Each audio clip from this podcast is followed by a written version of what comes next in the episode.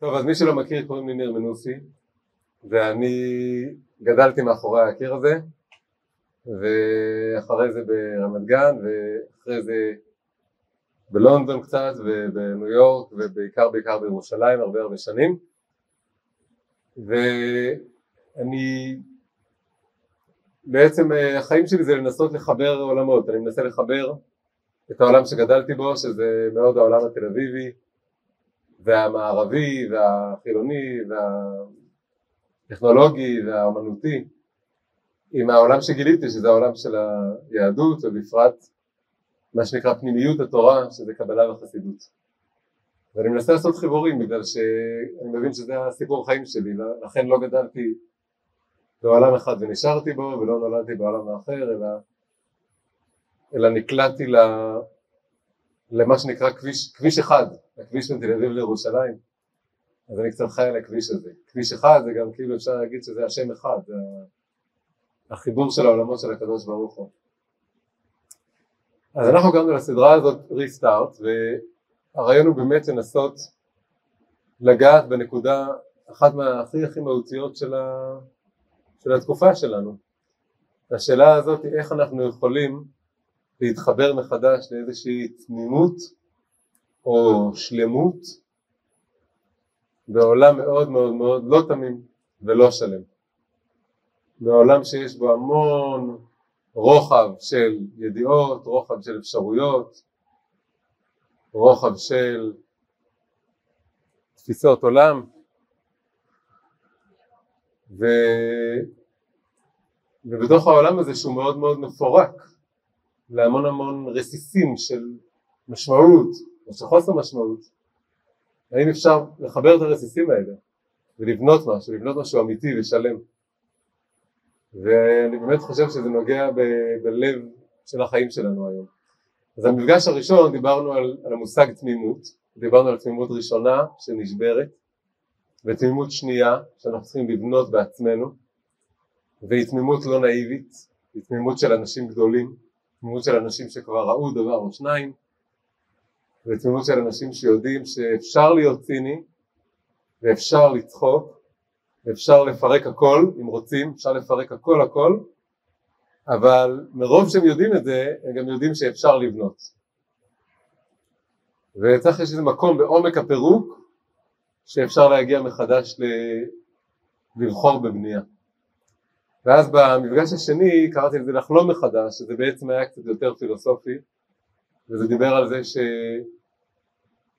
שהמדע המודרני, המחקר, ההסתכלות הרציונלית, האנליטית, החומרנית על הדברים, שרוצה להסביר הכל בצורה חומרית, יצרה לנו איזו תמונת עולם שאומרת, מספרת, שאין שום דבר מעבר.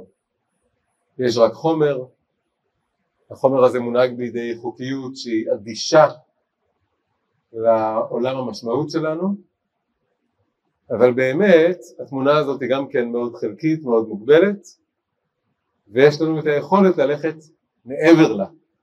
לא לזרוק אותה, לא להקטין אותה אבל לשים אותה במקומה הראוי ולראות שאפשר לפתוח חלונות ופרצות בתוך המסגרת הסגורה הזאת ואפשר לחזור ולחלום ולהאמין שיש משהו מעבר, שיש נשמה, שיש משמעות, שיש מציאות עליונה, שיש אה, לאן להגיע.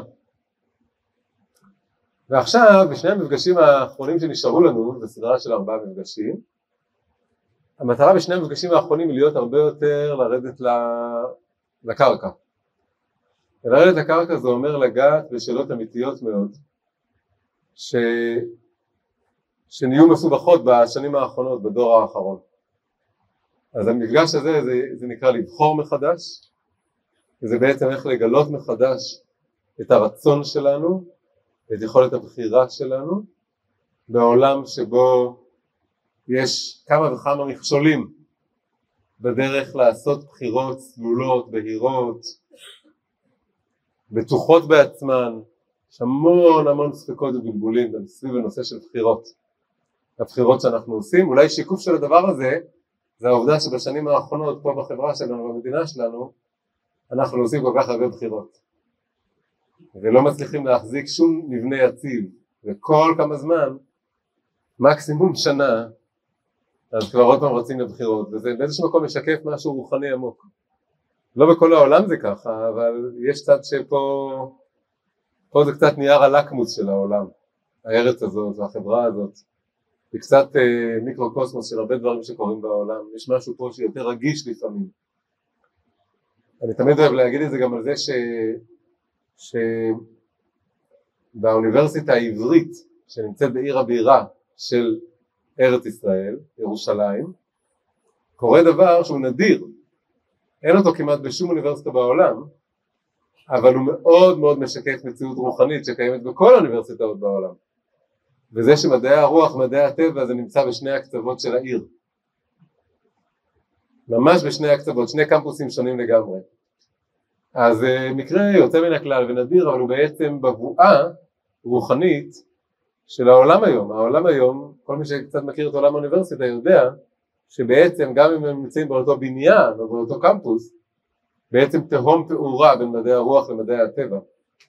ומי שלומד מדעי הרוח הוא הרבה פעמים מזלזל מדעי הטבע, מי שלומד מדעי הטבע מזלזל מדעי הרוח, ויש בורות מאוד גדולה, אפילו יש ספרים שלמים על הדבר הזה, קוראים לזה שתי התרבויות של האדם המודרני, התרבות המדעית והתרבות הספרותית של מדעי הרוח.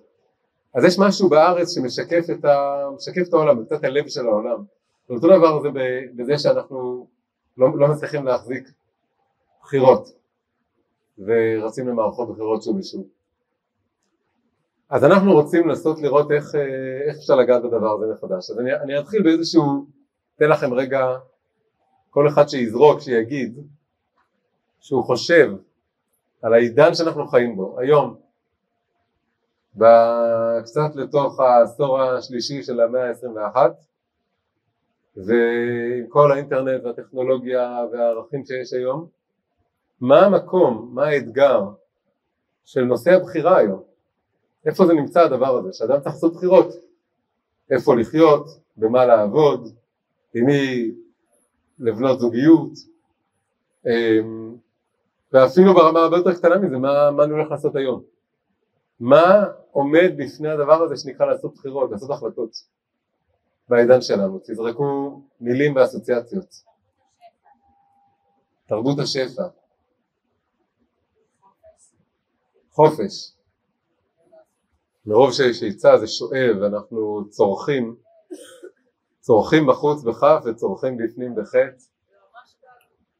וזה חוזר לנקודה של השפע, שבכל דבר אפילו הכי קטן יש פומו, פומו, הצופים בבית שאולי לא יודעים, או למי שבמקרה לא יודע, זה כבר ביטוי כזה מוכר, ראשי תיבות fear of missing out, הפחד שאולי יש משהו יותר טוב שאני מפסיד, כי בכל בחירה יש המון המון דברים שאני מוותר עליהם, והוויתור על כל האפשרויות האחרות נהיה מאוד קשה, בעידן שכל הזמן מציע לך המון אפשרויות. אז תודה רבה באמת, וזה באמת תשובות, זה אסוציאציות טובות ותשובות טובות.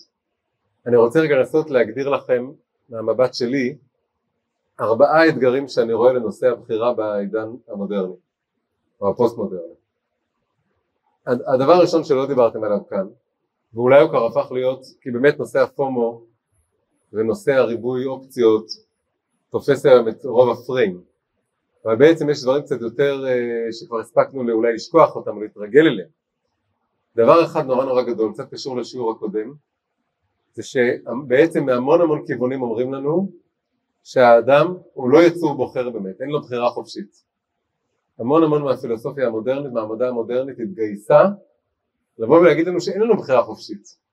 אנחנו מונעים ומוכתבים לידי המון המון מנגנונים של סיבות, אם זה הסיבות גנטיות, אם זה סיבות של פסיכולוגיה של הגיל המאוד מוקדם, ואם זה תהליכים כימיים וחשמליים במוח, אנחנו לא באמת בוחרים וזה מאוד מאוד נמצא ברקע שיש צעד שיש איזה מין ייאוש כללי אווירה של ייאוש כללי סביב היכולת של האדם באמת לשנות את מסלול החיים שלו כלומר באמת באמת לסובב את ההגה לאיזה כיוון אחר יש איזה מין שדר כללי, אווירה כללית שאנחנו סוג של מתוכנתים אה, נפעלים יותר מאשר פועלים. המדע והמון המון שפה מסביב לזה מתארת אותנו כתוצר של כל מיני תהליכים. אנחנו תוצר של אבולוציה, ואנחנו תוצר של ביולוגיה ותוצר של גנטיקה. אז אין את, ה, אין את המקום הזה שבוחר, זה מאוד מחליש את היכולת של האדם לבוא ולהגיד אני משנה את הכל. זה מצד אחד.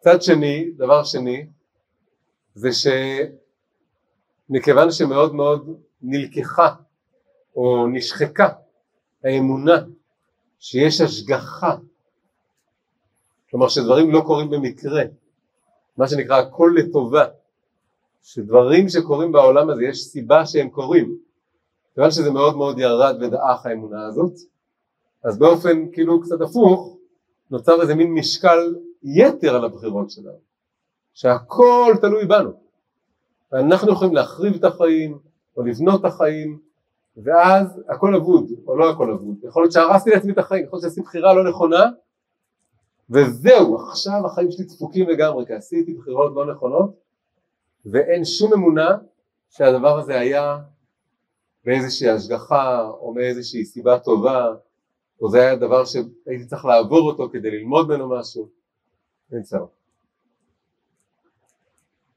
אחרי זה יש עוד דבר, את הנושא של הפומה שמתי פה דרגה רביעית, או בנקודה הרביעית. הדבר הנוסף שהוא ממש עוד פחות שמים לב אליו, זה שנוצר בתרבות של היום משהו שכבר דיברו עליו בימי קדם, היה פילוסוף יווני אפלטון, אפלטון מאוד פחד, למרבה העניין, מדמוקרטיה, הוא חי באתונה, חברה דמוקרטית, אבל הוא מאוד מאוד ביקר אותה, הוא לא אהב אותה. ולמה הוא לא אהב אותה? למה הוא היה נגד הדמוקרטיה? היה הרבה סיבות, אבל אחת הסיבות הכי מעניינות הייתה שהוא אמר שכשחיים בעולם שכל הקולות שווים, כלומר כל האנשים, כל התפיסות, כל נקודות המבט, אף פי שזה לא באמת היה דמוקרטיה מלאה, כי זה רק היה גברים, זה רק היה גברים חופשיים, זה לא היה עבדים, זה לא היה נשים, אבל לא משנה עדיין, אפילו בתוך הגברים זה הפריע לו, שברגע שזה כל האנשים מכל המקצועות וכל המעמדות וכל הנקודות מבט, אז הוא אמר, קורה מצב, זה בפני עצמו לא נורא, אבל קורה מצב שבתוך כל אחד גם נוצרת דמוקרטיה, השוואה של כל הרצונות השונים שלו, כך הוא אמר. אנחנו מתרגלים לחשוב על רצונות נמוכים ורצונות גבוהים, בכלל לא משתמשים לגביהם במילים האלה גבוהים ונמוכים יותר. כך הוא אמר כבר אז. אלא בגלל שכל האנשים יש להם קול שווה, אז ככה גם בנפש, הרצון שלי לאכול, הרצון שלי להילחם בעד המדינה שלי, הרצון שלי ללמוד פילוסופיה, או כל רצון אחר, זה הכל אותו דבר, הכל שווה. מה שאין כן, ככה הוא קיווה, לחברה שבנויה על היררכיה, על סולם, שהוא דמיין שיש מלך ויש מעמד של איזה אצולה, והוא ראה אצולה כזאת, הוא ראה מעמדות לפי ערך אמיתי, לא סתם לפי כסף, הוא ראה באמת שיש את החכמים, ויש את האנשים הפשוטים, לא משנה, אבל העיקר שיהיה איזשהו מין סולם, איזה היררכיה, אומר אז זה גם יקרין לכל אחד פנימה שיש גם בתוכו סולם, הוא יתחיל לשאול את עצמו מה הרצון יותר גבוה שלי ומה הרצון יותר נמוך שלי. ובאיזשהו מקום מה שהוא פחד התגשם. אני אגב כן חושב שדמוקרטיה זה השיטה הפוליטית הכי, הכי טובה שאפשר למצוא כרגע, ולהתחשב בכל הנתונים. כמו שצ'רצ'יל אמר שזה לא מושלם, אבל זה הרע במיעוטו, אני מסכים.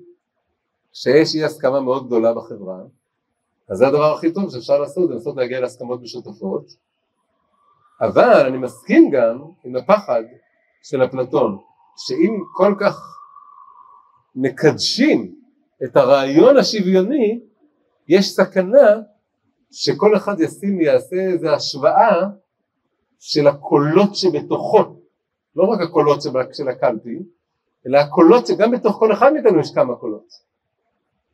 ואם אני אומר, טוב, הכל זה אני, אני אוהב את עצמי, אני לא רוצה להתנגד לעצמי, לסרס את עצמי, אז אני מקשיב לכל הקולות שלי, וזה, וזה עוד בסדר, להקשיב לכל הקולות שלי. אבל אם אני גם נותן להם את אותו מעמד, ואני לא שואל מה מגיע ממקום יותר גבוה בתוכי, ומה מגיע ממקום יותר נמוך בתוכי, אז יש סכנה מאוד גדולה שאני אגיע למקומות לא טובים. ואני פשוט מפספס את הסיפור של מה באמת קורה בתוכי. אז זו הבעיה השלישית, שהיא מאוד מאוד חזקה היום. שאנשים מסתכלים פנימה ואין להם אמת מידה, אין להם שום מפה, שום סולם לתעדף רצונות גבוהים ונמוכים. ואז הרבה פעמים מה שקורה, ואגב זה אחד הדברים שגם אפלטון אמר באותו מקום, הוא אמר שמה שיקרה מזה זה שהוא אמר דמוקרטיה זה שלטון גרוע לדעתו, אבל יש משהו עוד יותר גרוע. מה עוד יותר גרוע? רודנות. אבל הוא אמר שזה אחד מוביל לשני, כי אם לאט לאט נשווה את כל הרצונות ואת כל הקולות, אז האנשים הכי הכי שאתה לא רוצה שיקבלו את ההחלטות, יבחרו בסוף, מרוב שיהיה בלאגן ולא יהיה החלטות, הם יבחרו איזה מישהו אחד שיקבל החלטות בשביל כולם, וההמון ימליך איזה דיקטטור.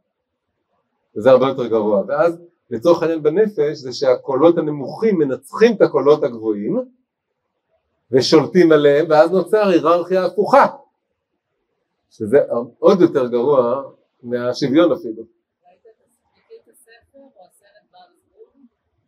כן, את הספר. בעל זבוב, מי שהזכיר פה את בעל זבוב, ששם, אני זוכר כבר מהתיכון, לא קראתי את זה, אבל ששם יש ילדים באי, שזה מין מיקרוקוסמוס לחברה כאילו שיש לה הזדמנות שנייה להתחיל מההתחלה, אבל זה מידרדר לשלטון של הבריונים, של הבריון. ואז הכוחות האלימים מתחילים לצאת לפני השטח, בטח, חופשי.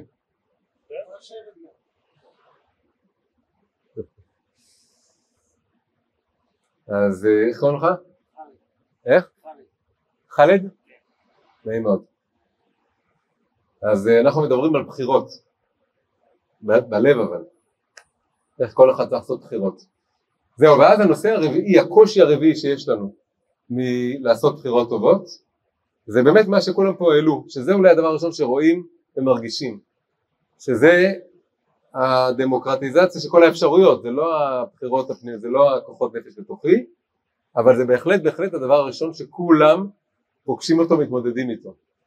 אז זה מאוד הגיוני שזה עולה ראשון הנושא הזה, שאנחנו בשפע מטורף של אפשרויות ו, ובכל ערב וערב שפע של בילויים, שפע של סרטים שאפשר לראות ושלום שלום. אז זה, זה אני חושב הבעיות העיקריות שככה בעצם הלכתי מהכי, אולי מהדברים הכי עמוקים לדברים היותר נגלים, אבל בוא נגיד ההתמודדות עם הדברים הנגלים היא מאוד קשורה ב, בלפתור את הבעיות ברמה העמוקה יותר. אז, אז זה רק, זה רק ככה לפרוס את הבעיות באיזשהו מקום שאנחנו מתמודדים איתן. אז נעבור על זה מהר, הראשון זה שיש מין הרגשה שאין באמת יכולת לבחור, כי אנחנו כבר תוצר של הילדות שלנו, של הגנים שלנו, של ההורים שלנו, של העבר שלנו, ואנחנו קורבן באיזשהו מקום של ההיסטוריה של עצמנו. והדבר השני זה שאנחנו גם מאוד מרגישים שזה מאוד מאוד הרי גורל מה שאנחנו מחליטים וזה יוצר לחץ, שאם אני עושה טעות אז היא פטאלית, כי אין השגחה ואין משהו שזה, דברים קורים מסיבה מסוימת. והדבר השלישי זה שנוצר איזו השוואה של כל החלקים, כל הקולות שבתוכנו, שזה מאוד מבלבל. והדבר הרביעי זה שיש היצע מאוד מאוד גדול בחוץ, שבגלל הטכנולוגיה, בגלל השפע הכלכלי, בגלל האינטרנט, בגלל... אה, כן, שיש גם השפע הכלכלי וגם השפע הטכנולוגי, בתכל'ס שני הדברים האלה יצרו מציאות של גודש עצום של מותגים, מוצרים, אופציות והכל גם בנוי בצורה כזאת שאתה יכול לעזוב ברגע שאתה רוצה ואתה יכול לבטל את המנוי מתי שאתה רוצה וכל הדברים האלה יצרו, את ה, יצרו לנו את המצוקה העצומה בנושא הבחירה. עכשיו רוצים להתקדם, להתחיל לשאול אז מה עושים? להתקדם לאיזה מקום של להגיע לכמה עצות או רעיונות או כיוונים אז אנחנו נתחיל מדבר נורא פשוט, אנחנו נתחיל לקחת את המילה הזאת בעברית בחירה, את השורש הזה של המילה בחירה בחר, ב' ח' ר', ונראה שמעצם המילה הזאת כבר יש איזה פתח לאיזה התבוננות או העמקה או הבנה יותר טובה של מה זה הדבר הזה, ואיך אפשר לעשות בחירות במקום יותר טוב. עכשיו, אז קודם כל נשים לב שהשורש, לכל שורש בשפה העברית, למעשה בכל השפות השמיות, גם בערבית ככה, אז בשפה העברית יש לכל שורש שלוש אותיות והשלוש אותיות האלה זה כלל מתמטי נורא פשוט לשלוש אותיות יש שישה צירופים כל שלוש אותיות בעולם שהן שונות, יש להם שישה צירופים שונים לצרף אותם לחבר בהם. עכשיו האם לכולם יש משמעות או לא? זה תלוי. יש אה, משפחות כאלה של שישה צירופים שרק לאחד יש משמעות ולחמישה אין. יש, זה נורא מעניין, יש שבעה שורשים בעברית שלכל השישה משמעויות של כל אחד מהם יש משמעות, ואז יש כל מה שבאמצע. בשורש בחר לחמישה מתוך שישה הצירופים יש משמעות. אז בואו נעבור על זה רגע נורא נורא מהר. אז הראשון זה בחר, לבחור, בחירות, בחרנו, בוחרים, נבחר והכל בא מהשורש הזה. אחרי זה הדבר הבא, אם משאירים את הבית בהתחלה באותו מקום, אז זה ברח, בריחה, לברוח, זה גם צירוף. אחרי זה, אם שמים את החטא בהתחלה, אז יש חרב, חורבן, להחריב, חרב זה גם יבש, זה קשור לאותו דבר, חרב, חורבן, נכון נכון, אבל אותו צירוף של אותיות. אז אנחנו מסתכלים על הדבר הזה, שלפי ספר יצירה, ספר הקבלה הראשון, אז uh, השפה מתחילה מאותיות, ואז צמדי אותיות, ואז שלשות של אותיות. ואז יש קודם כל צירופים שונים, ומתוך זה, והרעיון הוא שאם יש, אם השורשים האלה בנויים מאותו שורש, למרות שהם, אתה צודק, לגמרי שונים, ואפילו הפוכים, יש איזה קשר ביניהם, זה מה שאני תכף נרצה להסתכל. בכל מקרה היה לנו בחר וברח, ואז היה לנו חיבור וחרב, חרב אמרתי, חרב, חורבן, להחריב, ועם החטא בהתחלה יש גם חיבור, חבר, התחברות, זה הכל במאותו שורש. והאחרון האחרון זה רחב, רוחב, כמו רוחב של בחירות ואפשרויות. עכשיו יש פה כמה דברים מעניינים שיוצא מהחמישייה הזאת. הדבר הראשון נורא נורא ברור זה שיש פה שני צמדים ואז אחד שהוא יוצא מן הכלל. שני הצמדים בצורה מאוד ברורה זה החרב והחיבור. חרב זה דבר שממית וחותך ומחריט ומפריד ויוצר מלחמות בין אנשים ולעומת זאת חבר, חיבור, חברה. זה בדיוק הפוך מחורבן וחרב. וזה באיזשהו מקום מתחבר אפשר לומר להשלכות הנורא גדולות של הבחירות שלנו. שאני דבר בסיסי שאתה אדם צריך לשאול את עצמו זה האם אני רוצה לעשות בחירות שמחברות או בחירות שמחריבות. יכול להיות שלפעמים אני צריך להפעיל איזושהי חרב בשביל לנתק איזה משהו לא טוב אבל ברור, נראה פשוט ש... כמו שכתוב ב... בספר אה, קהלת עת מלחמה ועת שלום המלחמה היא צריכה להוביל לשלום, שלום זה התוצאה שצריכה לבוא למלחמה, גם יש, אני משתמש לפעמים בכוח החיתוך זה כדי לעשות חיבור, אז זה דבר נורא פשוט. עכשיו הבן זוג של לבחור זה לברוח, פה זה נהיה הרבה יותר נוגע כבר לעניין. בעצם אפשר להגיד שהבעיה העיקרית, הקושי העיקרי בלעשות בחירות זה שבחירה מאמתת אותי עם החיים.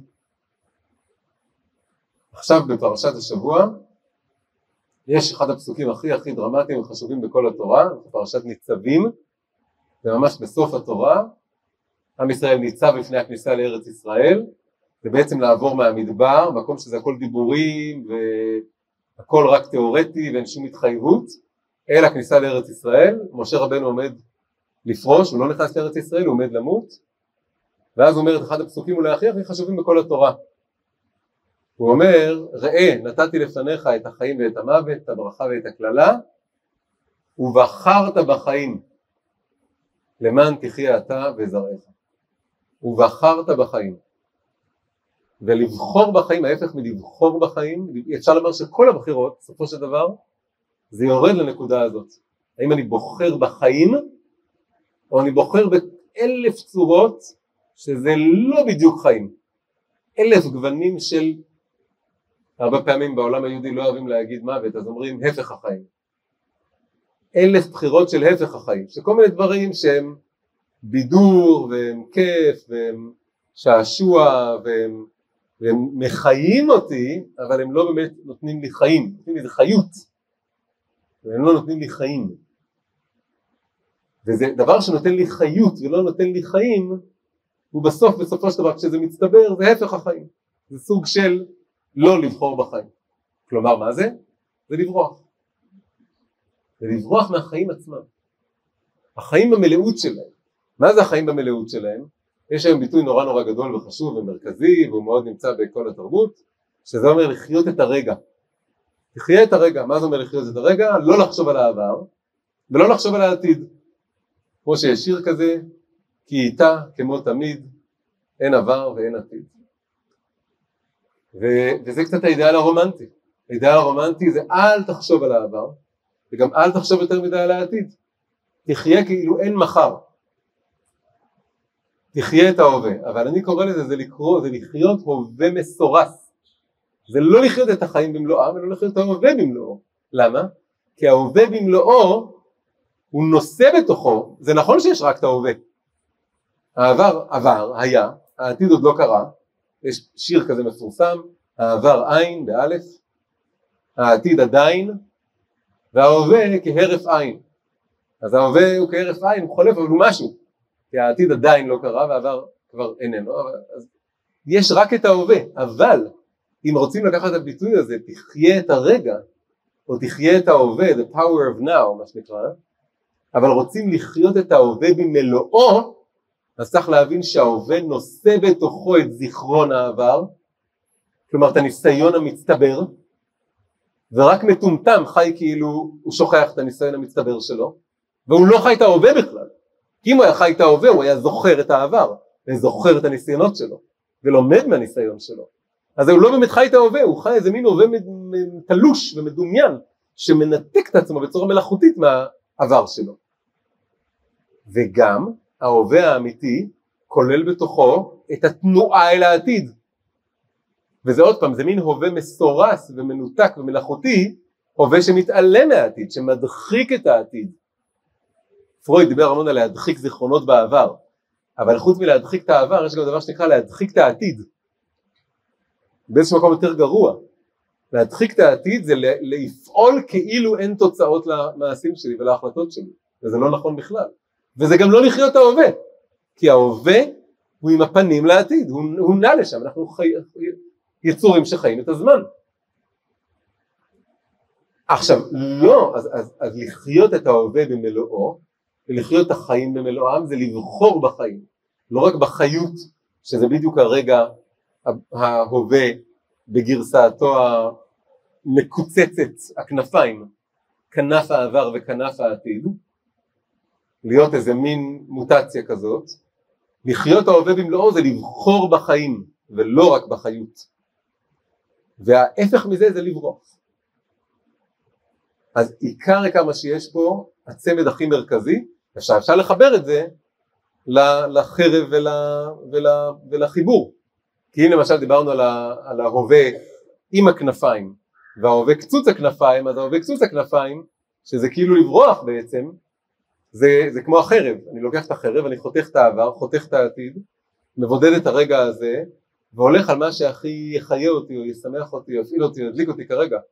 אבל בעצם זה לא, לא בונה לי את החיים, ואם אני, אני מחבר את ההווה עם העבר והעתיד, אני זוכר את העבר, אני לומד מהעבר, אגב לא רק מהעבר האישי שלי, למה לא ללמוד מהניסיון המצטבר של האנושות, למה לא ללמוד מהניסיון המצטבר של המשפחה שלי, של העם שלי, למה לא ללמוד מאנשים מבוגרים יותר, למה לא ללמוד מהעבר, אז, אז אם אני מחבר את ההווה עם העבר ואת ההווה עם העתיד, ואגב כמה שתודעת העבר שלי יותר חזקה כלומר אני יותר מרגיש שאני ברצף עמוק עם עבר עמוק, לא עבר של עשרים שנה או של מאה שנה, אלא של אלפי שנים של תרבות, של חוכמה, אז אני, יכולת החשיבה שלי לעתיד נהיית הרבה יותר מפותחת.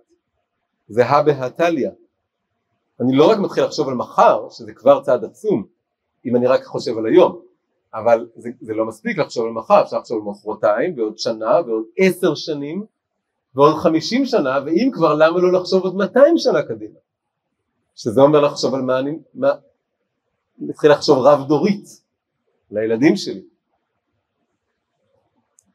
עכשיו, אז זה שני הצמדים שלנו. יש את הבריחה ואת הבחירה, ויש את החרב ואת החיבור. עכשיו יש את הרוחב, הרוחב עוד לא דיברנו והוא קצת יתום פה, אז תכף אני אגע ברוחב, הרוחב מאוד נוגע לכל מה שעלה פה בהתחלה, אבל לפני זה, רק לפני זה אני רוצה להוסיף עוד נקודה מאוד חשובה. המילה ברח, שהייתה המילה פה הלא טובה, המילה שהיא ההפך הבחירה, המקום שבעצם בעצם בורח מאחריות, בורח מהעתיד, בורח מלהיות נוכח באמת בצורה מלאה, שהיא דורשת אולי איזו התגברות, כי אין בה את אותה חיות או כיף או שחרור כביכול שיש בה בלקיחת האחריות. מהמילה הזאת בריחה, מהשורש הזה ברח, אפשר גם להוציא מילה חיובית, שבעצם מתוך המילה השלילית עצמה אני יכול להוציא את הפתרון. כאילו התרופה היא בגוף, היא בגוף המחלה, בגוף הבעיה. וזה המילה בריח. בריח, אנחנו מכירים שבריח זה מה שנועל דלתות, לכן יש רב בריח, אבל בריח זה עוד משהו. יש בתורה, בתיאור של המשכן שעם ישראל בנה במדבר, אז יש שם לחבר את כל הקרשים של צלעי, צלעות, צלעי המשכן, מעבירים שם בריחים גדולים, מוטות ארוכים. עכשיו זה בנוי שם ככה שיש באמצע, יש למעלה ולמטה בריחים קצרים, ובאמצע יש דבר שנקרא הבריח התיכון, הבריח האמצעי, והוא הולך מהקצה עד הקצה, זה נקרא הוא מבריח מהקצה עד הקצה, הוא תופס מההתחלה עד הסוף את הכל.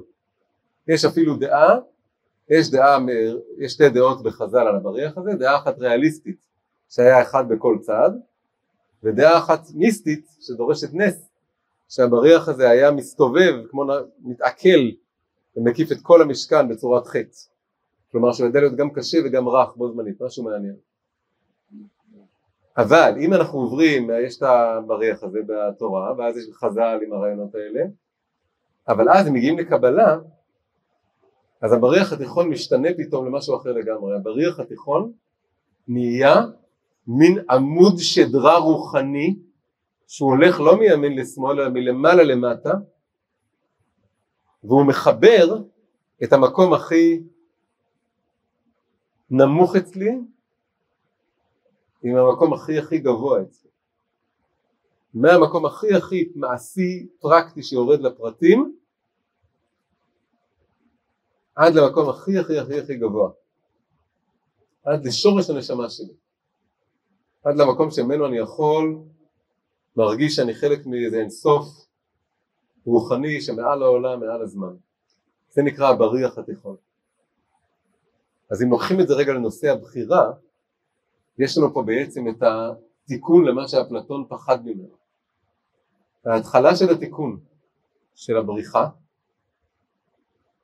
והחיבור לבחירות נכונות זה להתחיל להסתכל בתוך עצמנו לבנות, להזדקף, לעמוד. האדם הוא חיה שהיא זקופה, היא הולכת על שתיים, והראש שלה הוא מעל הלב שלה והלב שלה הוא מעל המותניים שלה.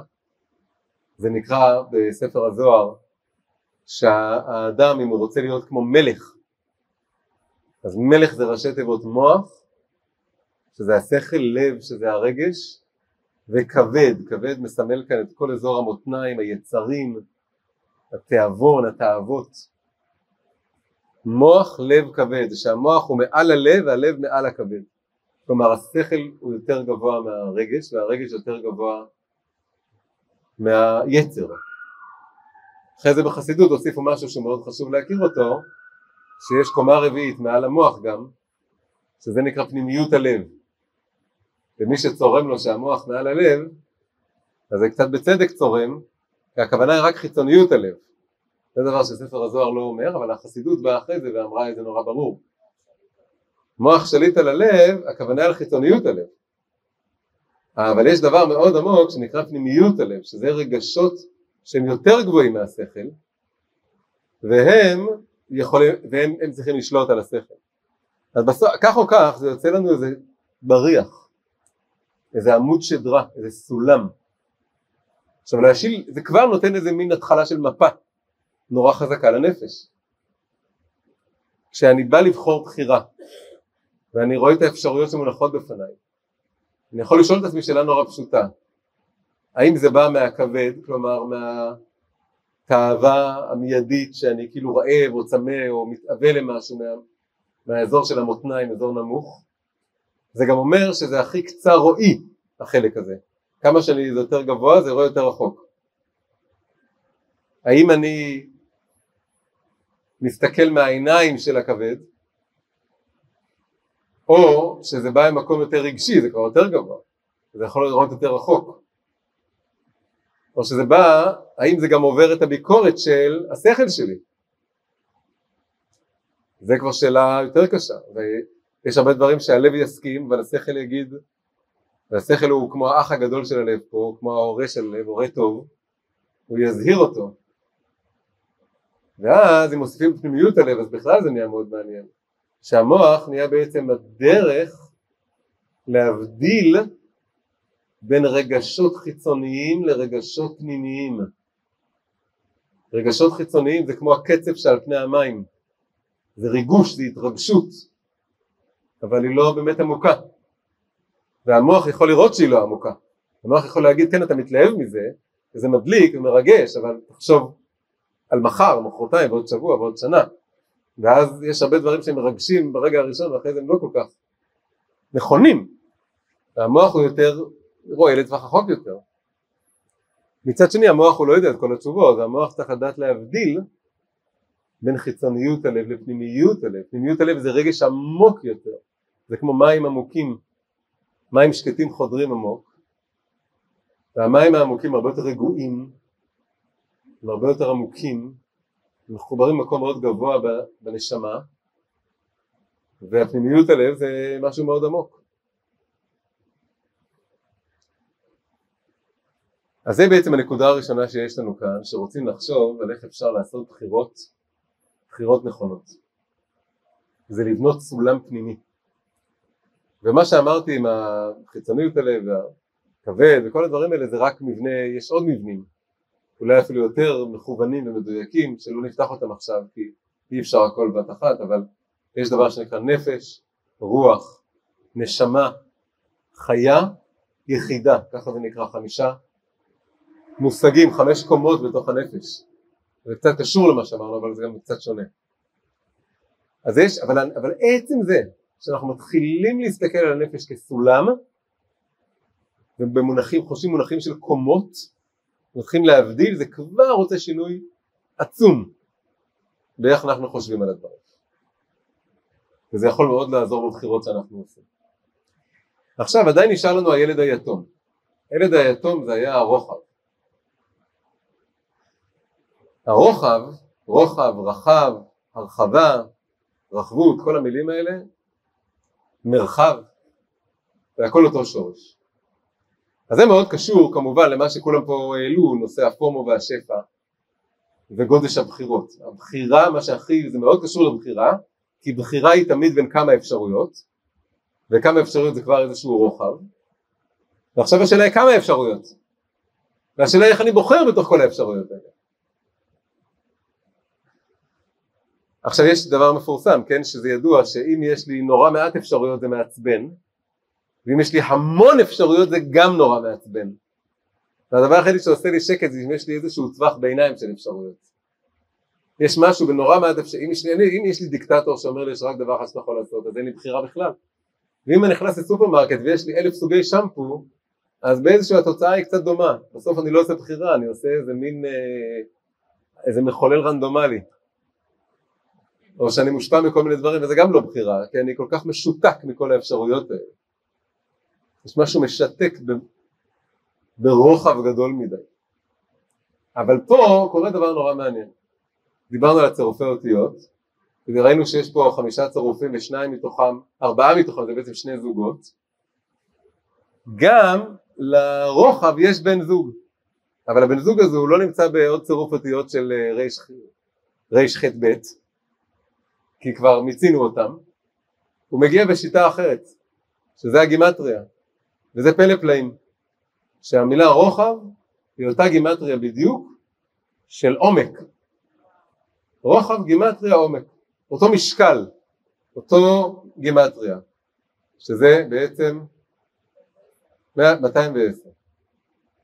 זה בלי הוו, כן? רח"ב ועין מ"ם ק. זה יוצא אותו דבר, זה יוצא 110. לא, 210. ו... וכמובן אם מוסיפים ו' לשניהם אז זה עדיין נהיה אותו דבר, אם זה רוחב ועומק עם ו' זה לא משנה. הרחבה והעמקה, הכל נהיה אותו דבר. מה הנקודה?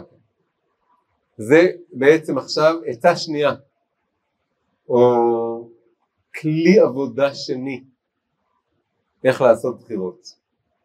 וכלי העבודה הזה אומר שאני יכול לנתב את כוח הבחירה שלי לכיוון של המרחב, של הרוחב, למשל של לחוות המון חוויות, של להתנסות בכל החוויות, של אה, לטייל בכל הארצות, של לאכול את כל המאכלים, של להתנסות בהרבה מערכות יחסים. אני יכול לקחת את אותו כוח, את אותה אנרגיה, את אותה, את אותה אנרגיית חיים ולקחת אותה לכיוון של עומק. ואז אני מחפש דברים אחרים לגמרי, אני מחפש דווקא להצטמצם בבחירות שלי. אני רוצה להתמקד במשהו אחד ולהעמיק בו. כש, כשאני אומר שהיום יש המון המון, המון המון רוחב, בעצם זה, זה יותר מזה. נוצר איזה מין הכתבה מהתרבות, שמכיוון שפתחנו לך כל כך הרבה רוחב אפשרויות, הסרנו המון איסורים ופתחנו המון המון אופציות, אז אתה חייב להתנסות בכל האפשרויות שנפתחו בפניך. מה שיוצר בעצם מין פרדוקס. הפרדוקס הוא שאתה חייב ליהנות מהחופש שנתנו לך. אם אתה לא נהנה מהחופש הזה, אם אתה לא מחליף כמה מערכות יחסים וחווה כמה סוגי ריגושים ומתנסה בכמה סמים וכל הדברים האלה, אז אתה אתה מפספס את החיים, אתה מחמיץ את החיים, אתה לא נהנה מהחיים, אתה לא באמת בודק ולא באמת מכיר. וזה פרדוקס מובנה, בגלל שאז ברגע שהחופש הזה הוא ערך עליון, אז הוא מתחיל לשלוט בי. ואז מה שקורה זה שאני באמת הולך ומתנסה בהמון המון המון דברים שונים, ואני הולך להמון המון מקומות שונים, ואני מכיר המון המון אנשים שונים, ואני מנסה להכניס לגוף שלי כל מיני חומרים שונים, ואני עושה כל מיני דברים כאלה, אבל יש, ואני באמת צובר המון חוויות. יש רק חוויה אחת שהולכת ובורחת ממני, ונעלמת ממני, ויותר ויותר מצטמצמת ומתקטנת אצלי ככל שאני צובר את החוויות האלה. שזה בדיוק החוויה של איזושהי תמימות, איזושהי עמקות.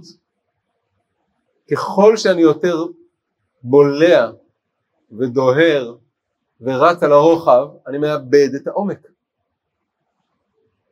ויש פה איזה צד שאין אפס, אי אפשר הכל, אתה צריך להחליט לאן אתה... יש מדרש שאומר שהאדם הראשון, כשהוא רק נברא, הוא לא היה בן אדם רגיל, הוא היה ענק. ואמרו שכשהוא היה שוכב, אז הוא הגיע מסוף העולם ועד סופו. נגיד שהעולם הוא משהו כזה מישור סופי, אז הוא היה מגיע מסוף העולם ועד סופו. אבל אם הוא היה עומד, הוא היה מגיע מהאדמה עד קצה השמיים. כן, אז הכל דורש איזה מין ציור של עולם סופי כזה, אבל זה לא הנקודה פה.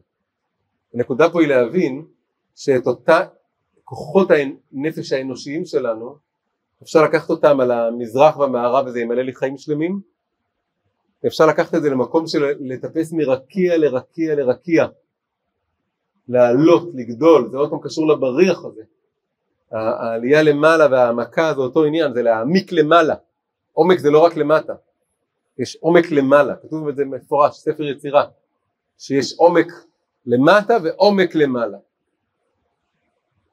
יעלו שמיים ירדו תהומות. השאלה היא לאיזה עומק רוצים ללכת. אם בכלל רוצים עומק, או שרוצים רוחב. אז קודם כל מתחיל מהשאלה אם אני הולך על רוחב או עומק, ואז הולך על השאלה אם אני הולך על עומק התחתון או עומק העליון. זה כבר עוד שלב.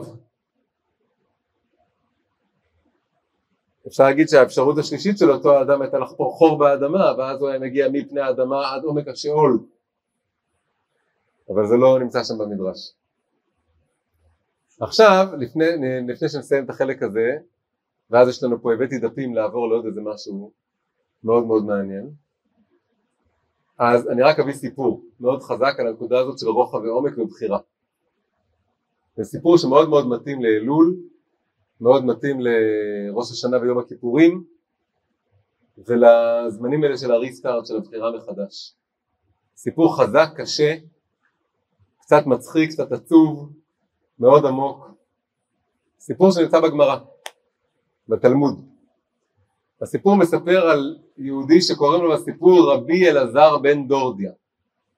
אבל הוא, מין, הוא, הוא ממש לא רבי טיפוסי והוא באמת מקבל את התואר רבי רק בסוף. למעשה מדובר במישהו מאוד מאוד, במקום מאוד קשה בחיים. מה כתוב על רבי אלעזר בן דורדיה? כתוב לא פחות ולא יותר שהוא לא הניח זונה אחת בעולם שהוא לא ידע אותה. הוא לא היה מסוגל לסבול את המחשבה שיש זונה אחת בעולם שהוא לא ידע אותה. כושית, צינית, כל העולם. והוא רצה לצבור את כל החוויות הכי חזקות, הכי קיצוניות, וזה היה פרויקט החיים שלו כנראה. יום אחד שמע רבי אלעזר בן דורדיה שיש זונה אחת באיזה ארץ רחוקה שגובה כיס דינרים, זה כנראה איזה שק או איזה כמות גדולה של דינרים, הוא הבין שזה כנראה הטופ. עכשיו, הוא כאילו, שימו לב מה עובר עליו, הוא רוצה, הוא כאילו יש לו את חופש בחירה הכי גדול, אבל ברור שאין לו שום בחירה, הוא מכור. הוא מכור בצורה הכי קשה. הוא אחוז אמוק. ואז כתוב שהוא חצה שבעה ימים אוקיינוסים כדי להגיע אליה.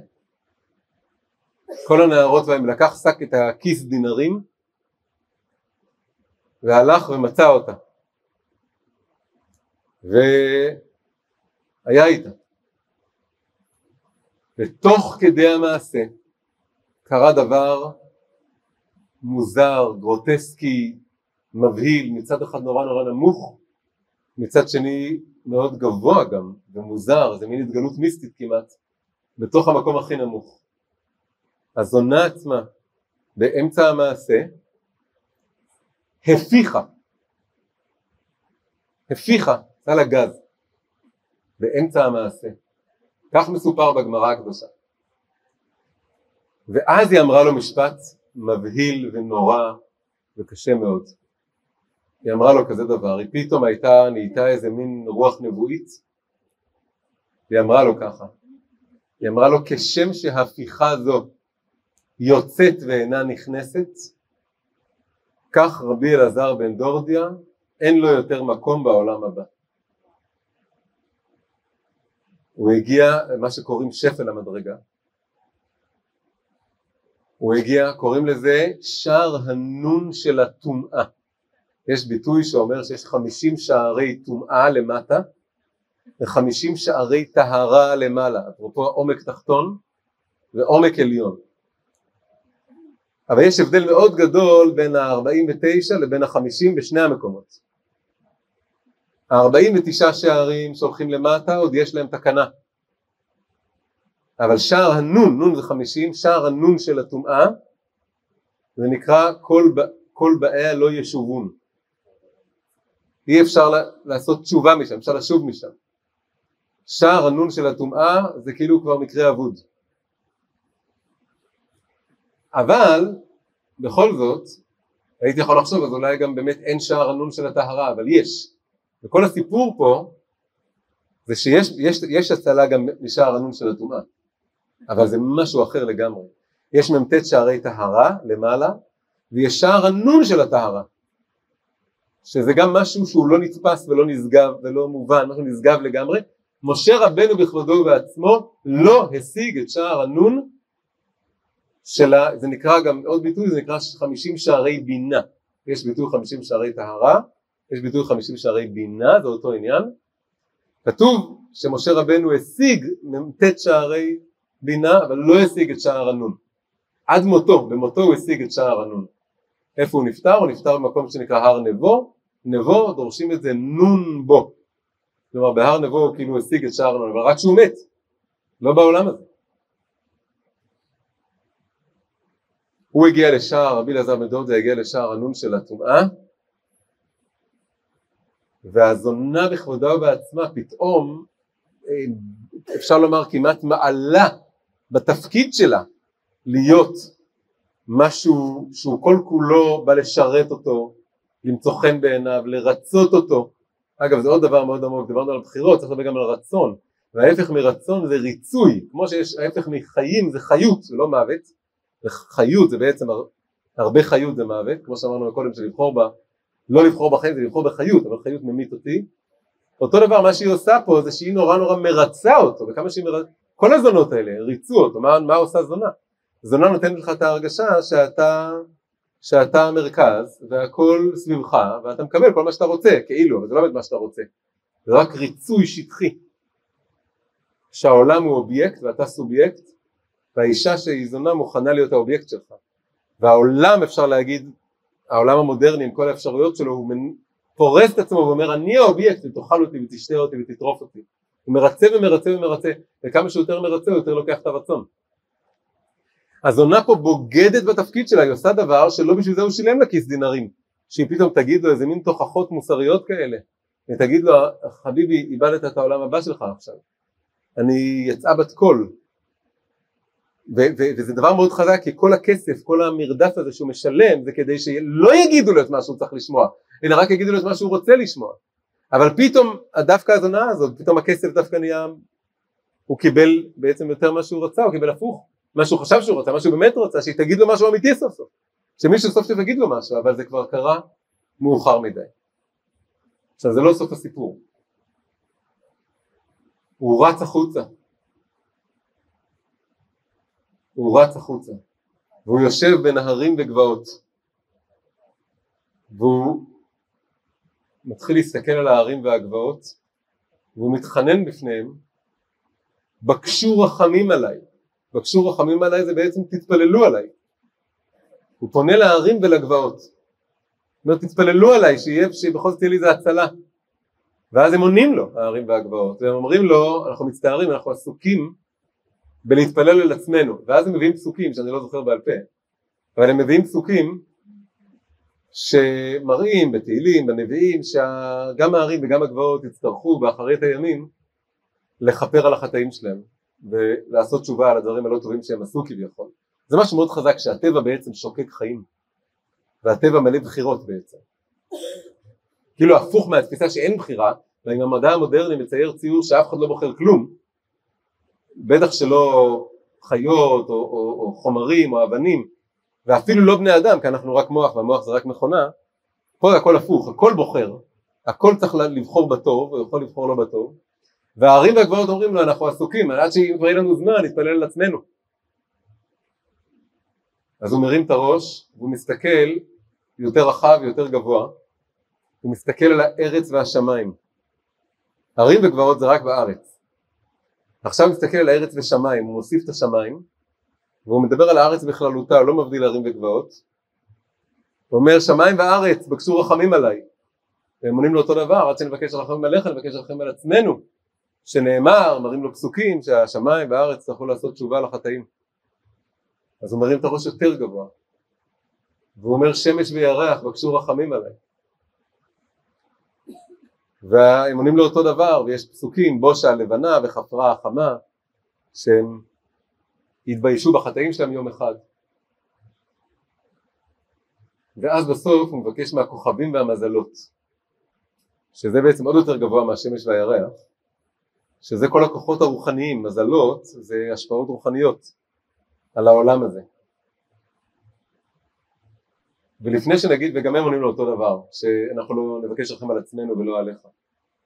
ולפני שנגיד את המשפט האחרון, אז נשים לב שבעצם מה שקרה כאן זה שהוא בעצם טיפס בסולם פנימי בתוכו, הוא התחיל לעלות מלמטה למעלה בתוכו. הרים וגבעות זה מה שהוא מכיר, זה רוחב.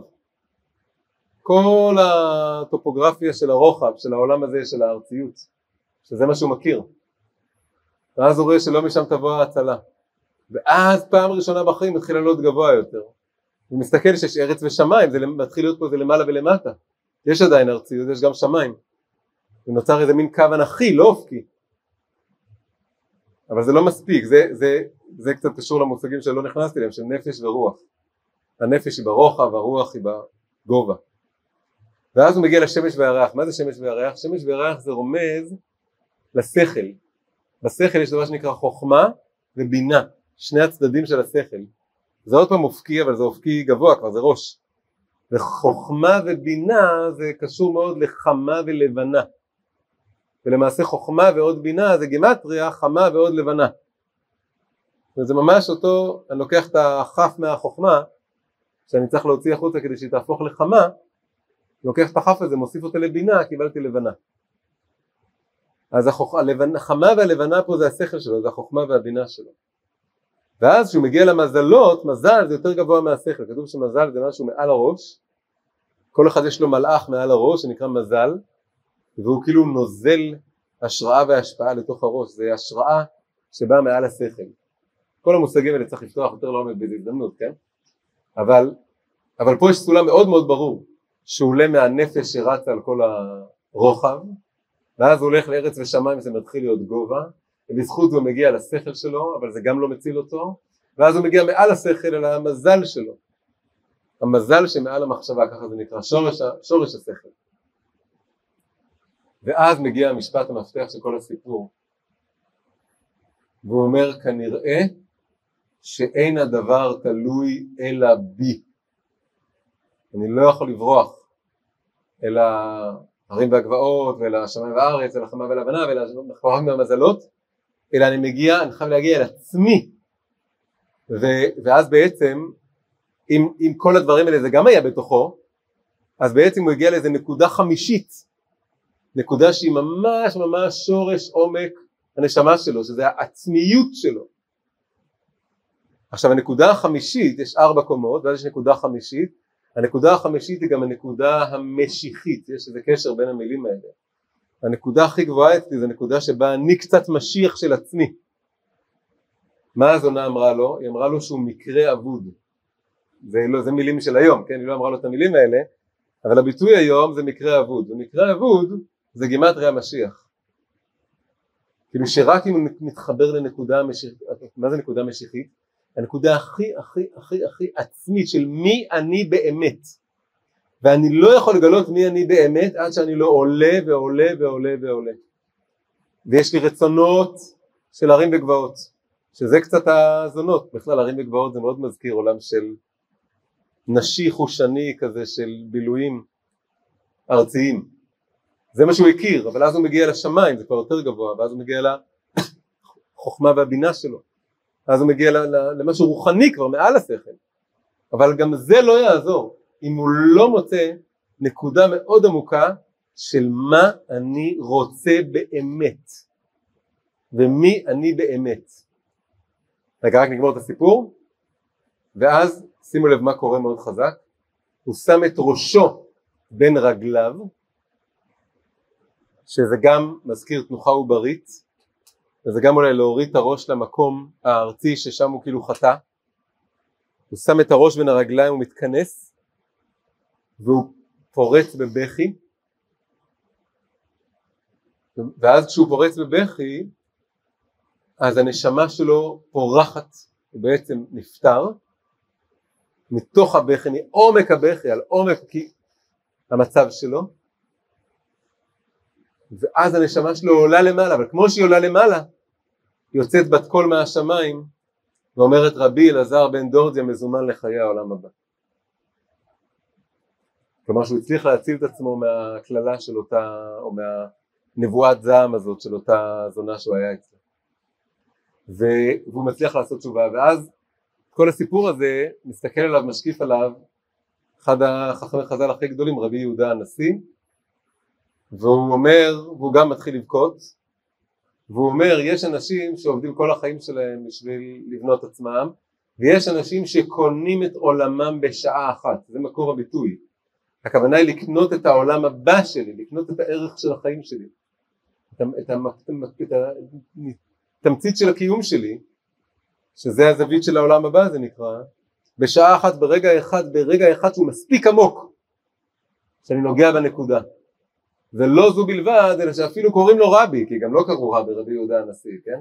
זה בדרך כלל אפילו קוראים לו רק סתם רבי. סתם רבי זה רבי יהודה הנשיא.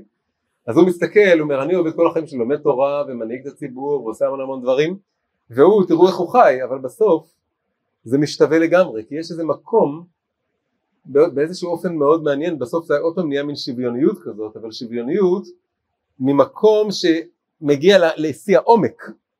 בשיא העומק מגיעים לאיזה שוויון רוחני בין רבי יהודה הנשיא לרבי אלעזר בן דורדיה, שהחיים שלהם בעולם הזה היו הכי הפוכים שיכולים להיות אחד מהשני. מה שאני רוצה אבל לראות פה זה שבסיפור הזה רואים בן אדם שהלך מרוחב לעומק, זו אותה גימטריה, זו אותה אנרגיה, הוא יכול להחליט, הוא הלך כל החיים שלו על כל הרוחב, חצה שבעה ימים להגיע לאישה שלוקחת הכי הרבה כסף, שיהיה לו את החוויה הכי, הכי, הכי עוצמתית, שזה אגב מראה שמתוך כל הרוחב הוא מגיע בסוף לעומק תחתון, לא טוב, עומק למטה, הוא יורד ויורד עד לשער הנון של הטומאה, אבל משם הוא פתאום מבין שהנקודה כאן זה לחפש את העומק העליון, ואז הוא ביום אחד, בשעה אחת, הוא מצליח לעשות כל הטיפוס הזה ולגעת בנקודה שלו. כן, מה רוצה לומר? סליחה. שאלה מעולה. אז הוא שאל למה בכלל הוא לקח אותו ברצינות.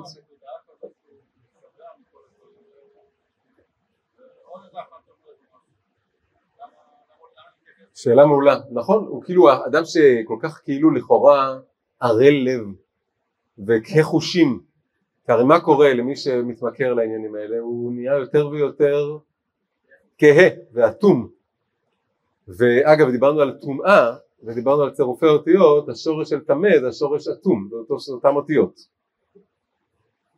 אז ככל שהוא נהיה יותר בטומאה הוא נהיה יותר באטימות. אז שאלה מולה, אז איך הוא יכל לשמוע אותה? ולמה הוא לקח ברצינות האישה הזאת? ואני חושב שבעצם היא הדהדה נקודה מאוד עמוקה בתוכו שהוא ידע שהיא אומרת האמת. הוא ידע בסתר ליבו שהוא הגיע לשפל המדרגה, שהוא באמת שהיה לו, אגב זה שהוא עבר שבעה ימים עם הכיס דינרים זה אומר שהיה לו המון הזדמנויות לחזור אחורה כלומר היה המון הזדמנויות לבוא ולהגיד כמה מכור אני יכול להיות בשביל לשגע את כל החיים שלי על הדבר הזה אבל הוא לא עשה את זה, הוא חצה עוד ים ועוד ים ועוד ים הוא כל הזמן ידע לאן הוא מוביל את עצמו. כלומר יש איזו נקודה שנשארת טהורה. ובגלל שהיה בו נקודה טהורה שזה הנקודה החמישית המשיחית אז כשהיא אמרה לו את המשפטים האלה זה הדהד משהו. עכשיו היא אמרה לו את זה שלילי שאין לך סיכוי. ו- ובאמת אם אתה לא מחובר לנקודה הזאת אז אין סיכוי. אבל מצד שני זה שהנקודה הזאת עדיין, עדיין חיה זה נקרא אני ישנה וליבי ער שהוא כבר ישן ישן היה אטום אטום אטום. אבל נקודה של עומק עומק פנימיות הלב הייתה, הייתה חיה אז, אה, אז בזכותה הוא היה יכול לשמוע לפחות את האמת במה שהיא אמרה שעכשיו הגעת לשפל המדרגה. ואז הוא היה יכול להתחבר למשהו עוד יותר גבוה שגם משם אפשר להינצל שמהכל אפשר להינצל. גם במקומות הכי גרועים שהגעת אליהם אתה באמת יכול עוד לתקן אז, אז יש פה הרבה המון דברים מאוד מהסיפור הזה אבל אחד הדברים הכי גדולים שיש לנו כאן בעצם זה, זה היחס הזה בין רוחב לעומק ובין הבחירה, שבעצם לב הבחירה זה אם אני הולך על הרוחב או הולך על העומק והסיפור פשוט מקצין את זה בצורה הכי הכי קיצונית שאפשר, שאפשר לדמיין. כן בטח, אני אשמח מאוד שככה, אני הבאתי עוד משהו, אנחנו צריכים להחליט כמה אנחנו רוצים להיכנס לזה, אבל עכשיו זה זמן טוב באמת רגע לעצור וככה תביאו רציתי שאמרת עשית את ה build-up לאחרון, אמרתי טוב עכשיו הוא פונה להשם. עכשיו הוא יפנה לבורא עולם. בסוף הוא פונה לעצמו, אז כאילו איפה... אני חושב, קודם כל זה מראה פה משהו נורא יפה, שהשאלה הייתה, פשוט אנשים גם רואים את הווידאו, למה הוא לא פנה להשם? וגם עשיתי את ה build-up של הארבעה שלבים האלה שהוא פנה לה בעצם לכוחות הטבע, קצת, קצת כמו עבודת אלילים. ובסוף הנקודה החמישית היינו מצפים שהוא יפנה להשם והוא פנה לעצמו ו...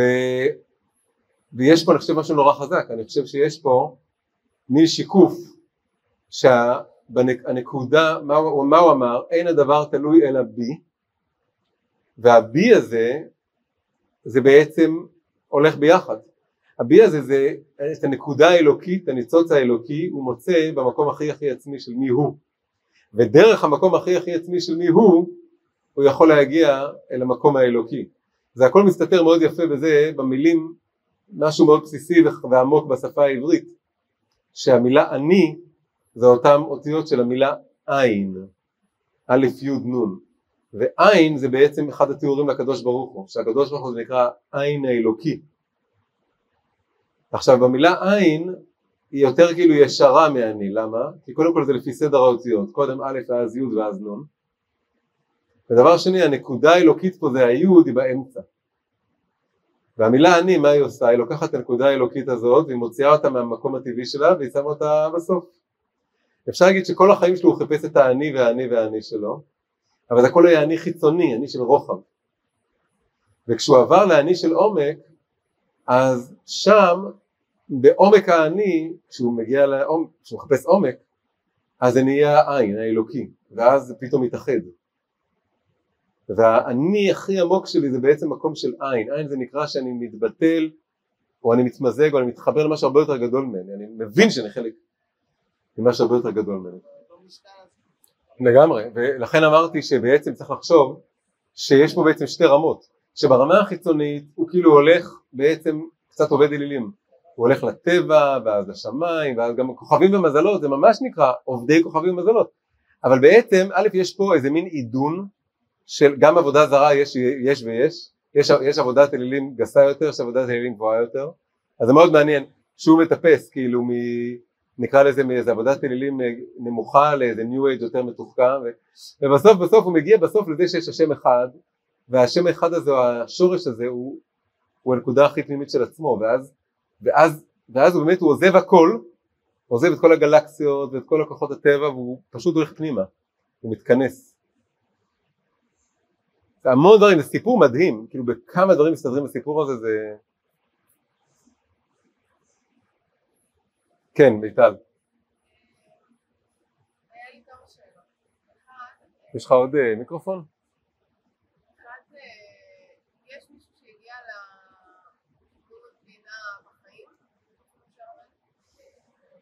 אז באמת בשני הסיפורים האלה, בשני הסיפורים אה, השער הנון מושג רק במוות, זה קצת אה, מדכדך. אז א', יש סיפור, כן. והאמת, וואו, לא חשבתי על זה עד הרגע, אבל זה מדהים כמה זה קשור לכל השיעור הזה. אז השאלה הייתה, האם מישהו הגיע לשער הנון בחייו? כי דיברתם על משה רבנו שנון במותו רק השיג, ודיברתם על רבי אלעזר בן דורדה שגם השיג רק במותו. אז התשובה היא שיש אישה שהייתה בשער הנון של הטומאה, ולא האמינה שלעצמה יש סיכוי, אבל ניצלה והגיעה מאוד גבוה. והאישה הזאת, זה פלא פלאים הקשר של השיעור הזה, זה רחב הזונה. מתחילת ספר יהושע. מתחילת ספר יהושע מתאר שיהושע שולח שני מרגלים ליריחו והם הולכים על ריגול מאוד מעניין, המרגלים של התורה, של השנים עשר המרגלים הלכו לאורכה ולרוחבה של הארץ. המרגלים האלה הולכים לעומק. הם הולכים לעיר אחת, לבית אחד, לבן אדם אחד ומדברים איתו. ורחב מספרת להם את כל מה שקורה בארץ ישראל. והיא בעצם בוגדת בכנענים וביבוסים ובגרגשים והיא עוזרת להם והם מצילים אותה ושם חז"ל אומרים שהיא אומרת השם הוא אלוקים בשמיים ממעל ובארץ מתחת, שזה ממש פסוק, אבל היא לא אומרת אין עוד, זה המשך הפסוק, היא לא אומרת השם הוא בשמיים ממעל, בארץ מתחת אין עוד, היא לא מעיזה להגיד אין עוד, ולמה? חז"ל אומרים שאני לא מאמינה שהקדוש ברוך הוא נמצא בתהום, הוא, הוא נמצא בשמיים, הוא נמצא בארץ, אבל הוא לא נמצא בתהומות, וברור מהדבר הזה שבעצם היא בתהומות, ועכשיו השם רחב, זה ברור שזה קשור לכל ה... זה עומק, וה... וכל המילים האלה, הבחר, וכל המילים האלה. והיא לא מאמינה בעצמה, היא חושבת שהיא הגיעה, אגב כתוב שהייתה בת חמישים, זה גם מדהים, הייתה בת חמישים, והיא הייתה כבר עשרות שנים בזנות, מגיל נורא צעיר, זה הכל כתוב במדרשים. ואז היא, היא חשבה שהיא באמת בשער, אבל היא לא רק מצילים אותה, אלא היא מתגיירת. הנה את אשתו של יהושע בן נון, והמון נביאים מאוד גדולים יוצאים ממנה. היא כנראה האב טיפוס של אותה זונה שנהייתה נביאה בסוף. זאת אומרת היא קצת הנביאה, הזונה הנביאה הזאת שם בסיפור של רבי אלעזר בן דורדי הרבה יותר מאוחר, היא כנראה סוג של גלגול שלה, צריך לבדוק. בקבלה יש ספרי גלגולים.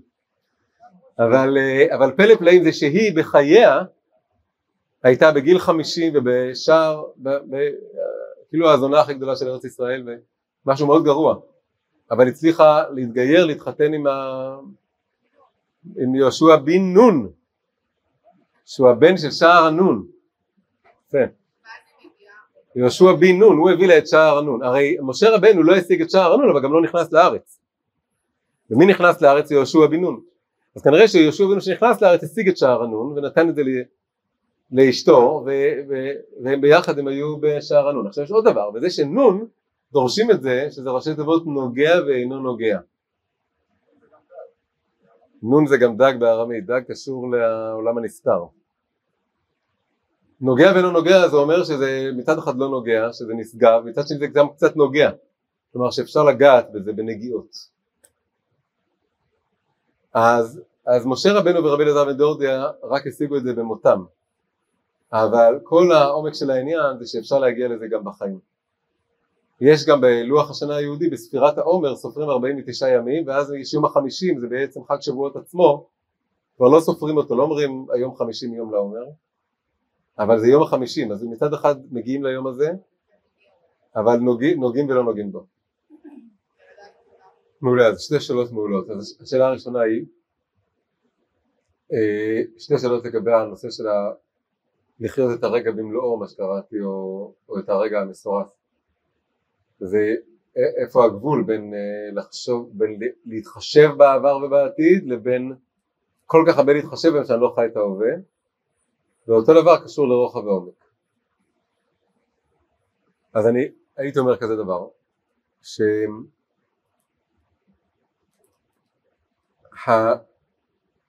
שהנקודה היא למה קראתי את זה לחיות את הרגע במלואו או את ההווה במלואו כי באמת באמת הדבר המרכזי כאן בוא נגיד הביטוי הזה לחיות את הרגע אני גם אומר אותו אני רק מוסיף את המילה במלואו.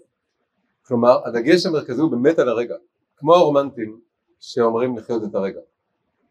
כמו כל השירים האלה וכל ה-just do it וכל הדברים האלה כן? וזה באמת אני חושב העיקר. רק שההבדל הוא שיש כאן התחשבות. אני לא שוקע בעבר ואני לא מוכר את עצמי לגמרי בשביל העתיד שהוא בעצם כל הזמן משתנה גם. אני פשוט מתחשב בהם.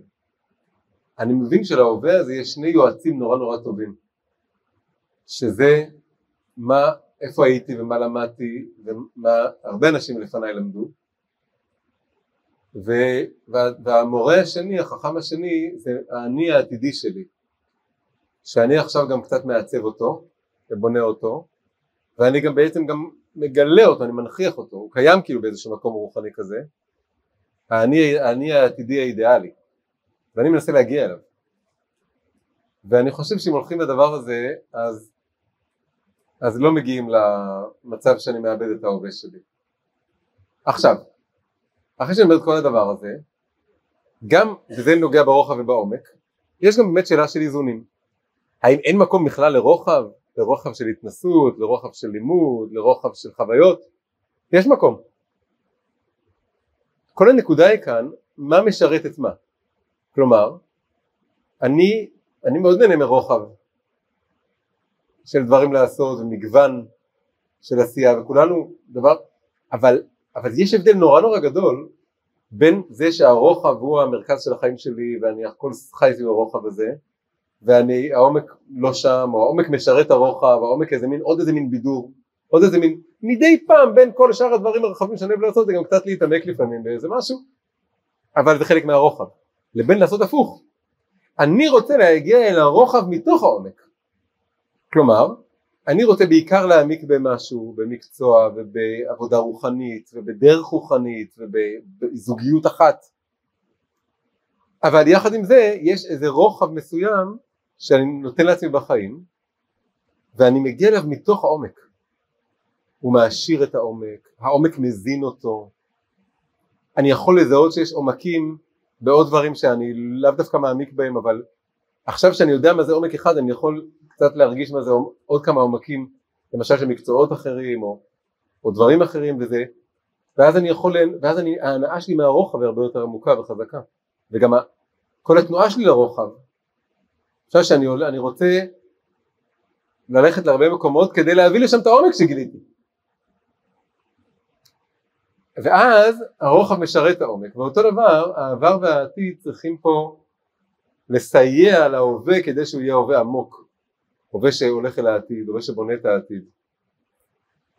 זה מין יש איזו החלטה בסיסית. יש בהתחלה איזה או או לפני שיש גם וגם חייב להיות איזה או או לגבי מה עיקר אם אני אומר אני רוצה גם וגם וגם וגם וגם וגם זה קל להגיד וזה נחמד אבל יש צד שאין כזה דבר גם וגם עד שאין איזה או או של מה העיקר, מה המרכז.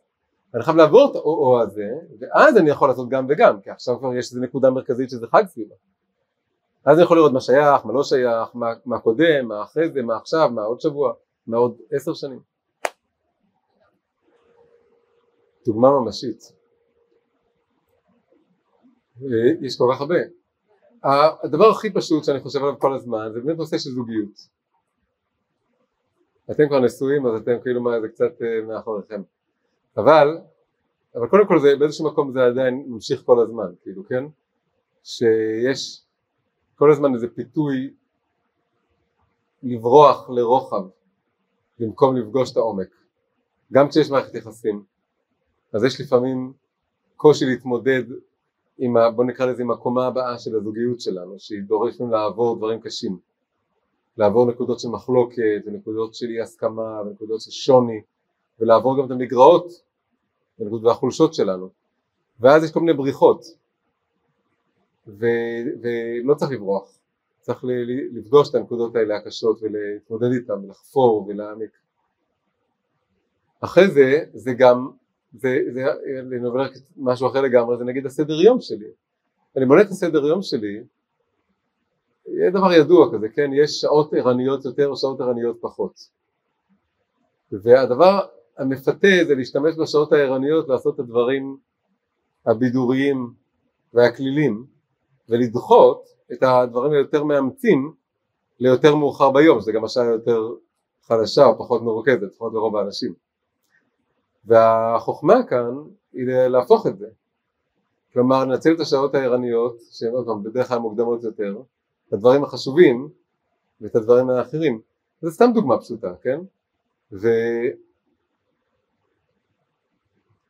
ועוד דוגמאות של הדבר הזה זה, זה לחשוב, לייקר את הזמן. כלומר, לייקר את הזמן זה אומר הרגעים יקרים, החיים הם סופיים, ועל מה אני, מה אני מקדיש, למה אני מקדיש את הזמן, והאם אני בכלל מקדיש את הזמן או מבזבז את הזמן. או שורף את הזמן, או משחית את הזמן, יש הרבה מילים לדברים לא טובים שאפשר לעשות עם הזמן. ויש, אה, הביטוי לבלות, זה בעברית זה מלשון בלאי. לבלות זה בעצם לבלות משהו זה להפוך אותו לבליים, לבלות הנעליים.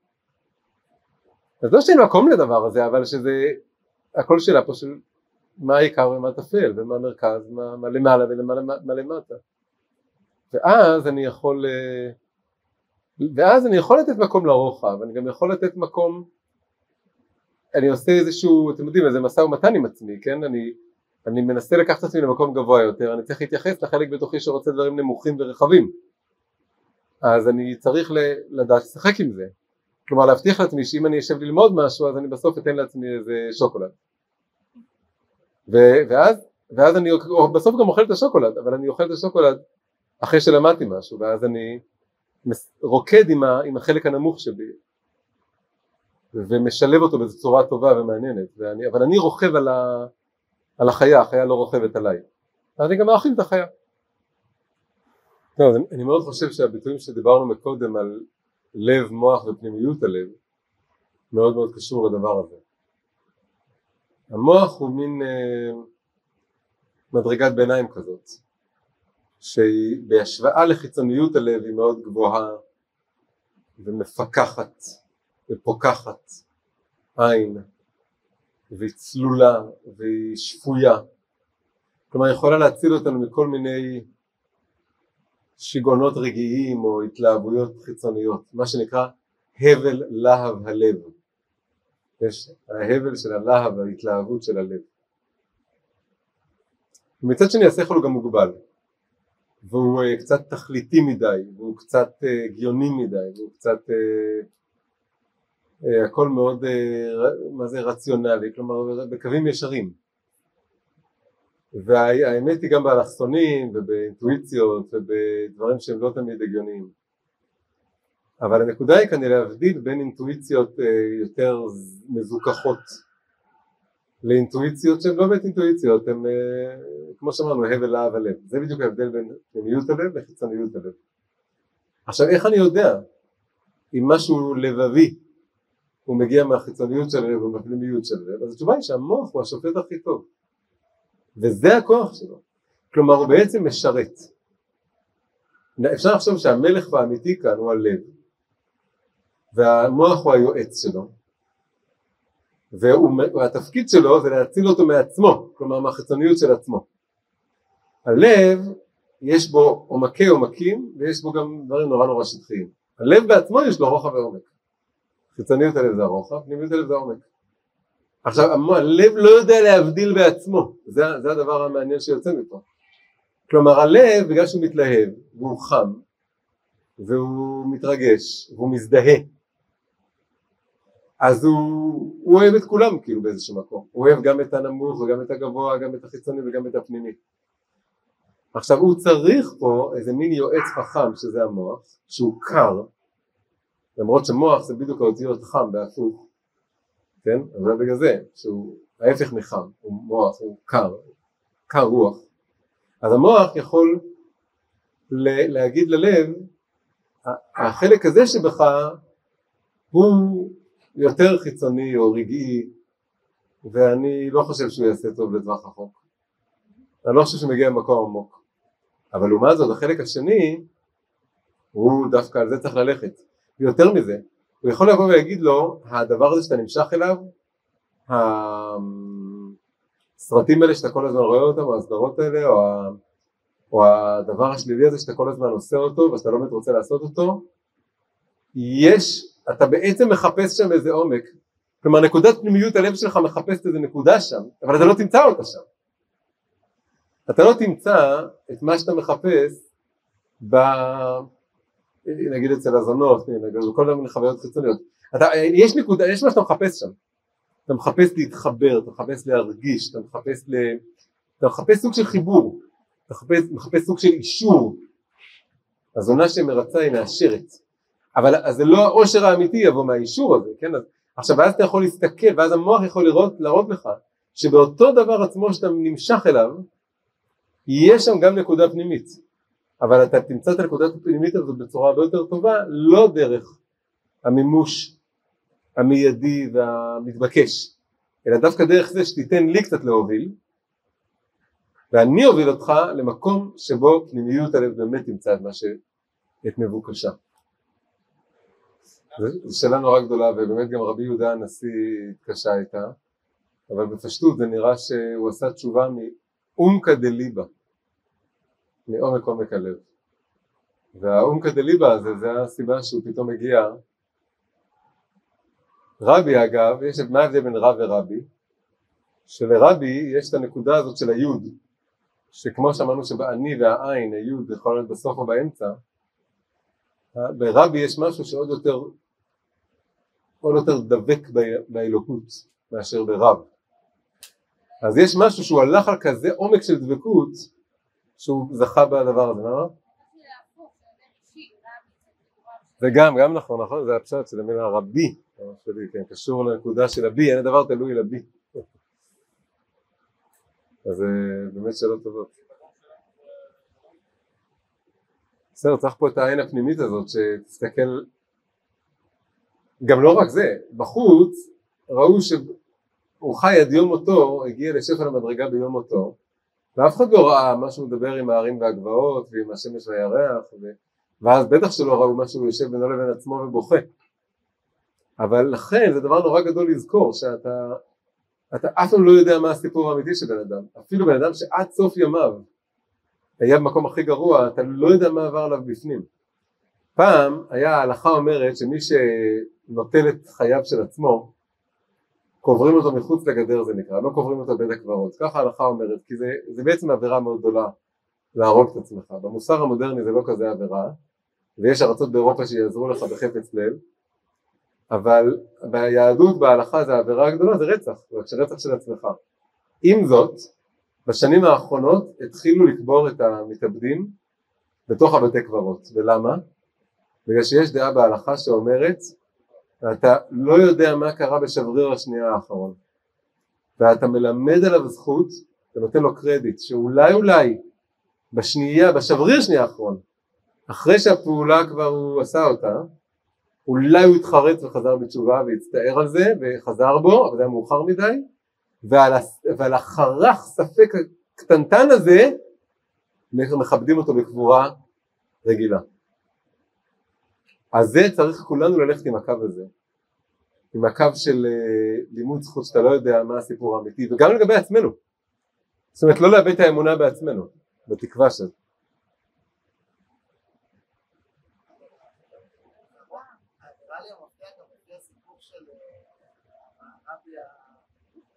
רבי אלעזר בן דורדיה. כן כן בסוף זה מעל הכל כי מה שקורה בסוף יותר מזה, אמרנו חוכמה ובינה זה המוח, המזלות פה זה פנימיות הלב, זה המעל, ואז יש משהו עוד יותר גבוה.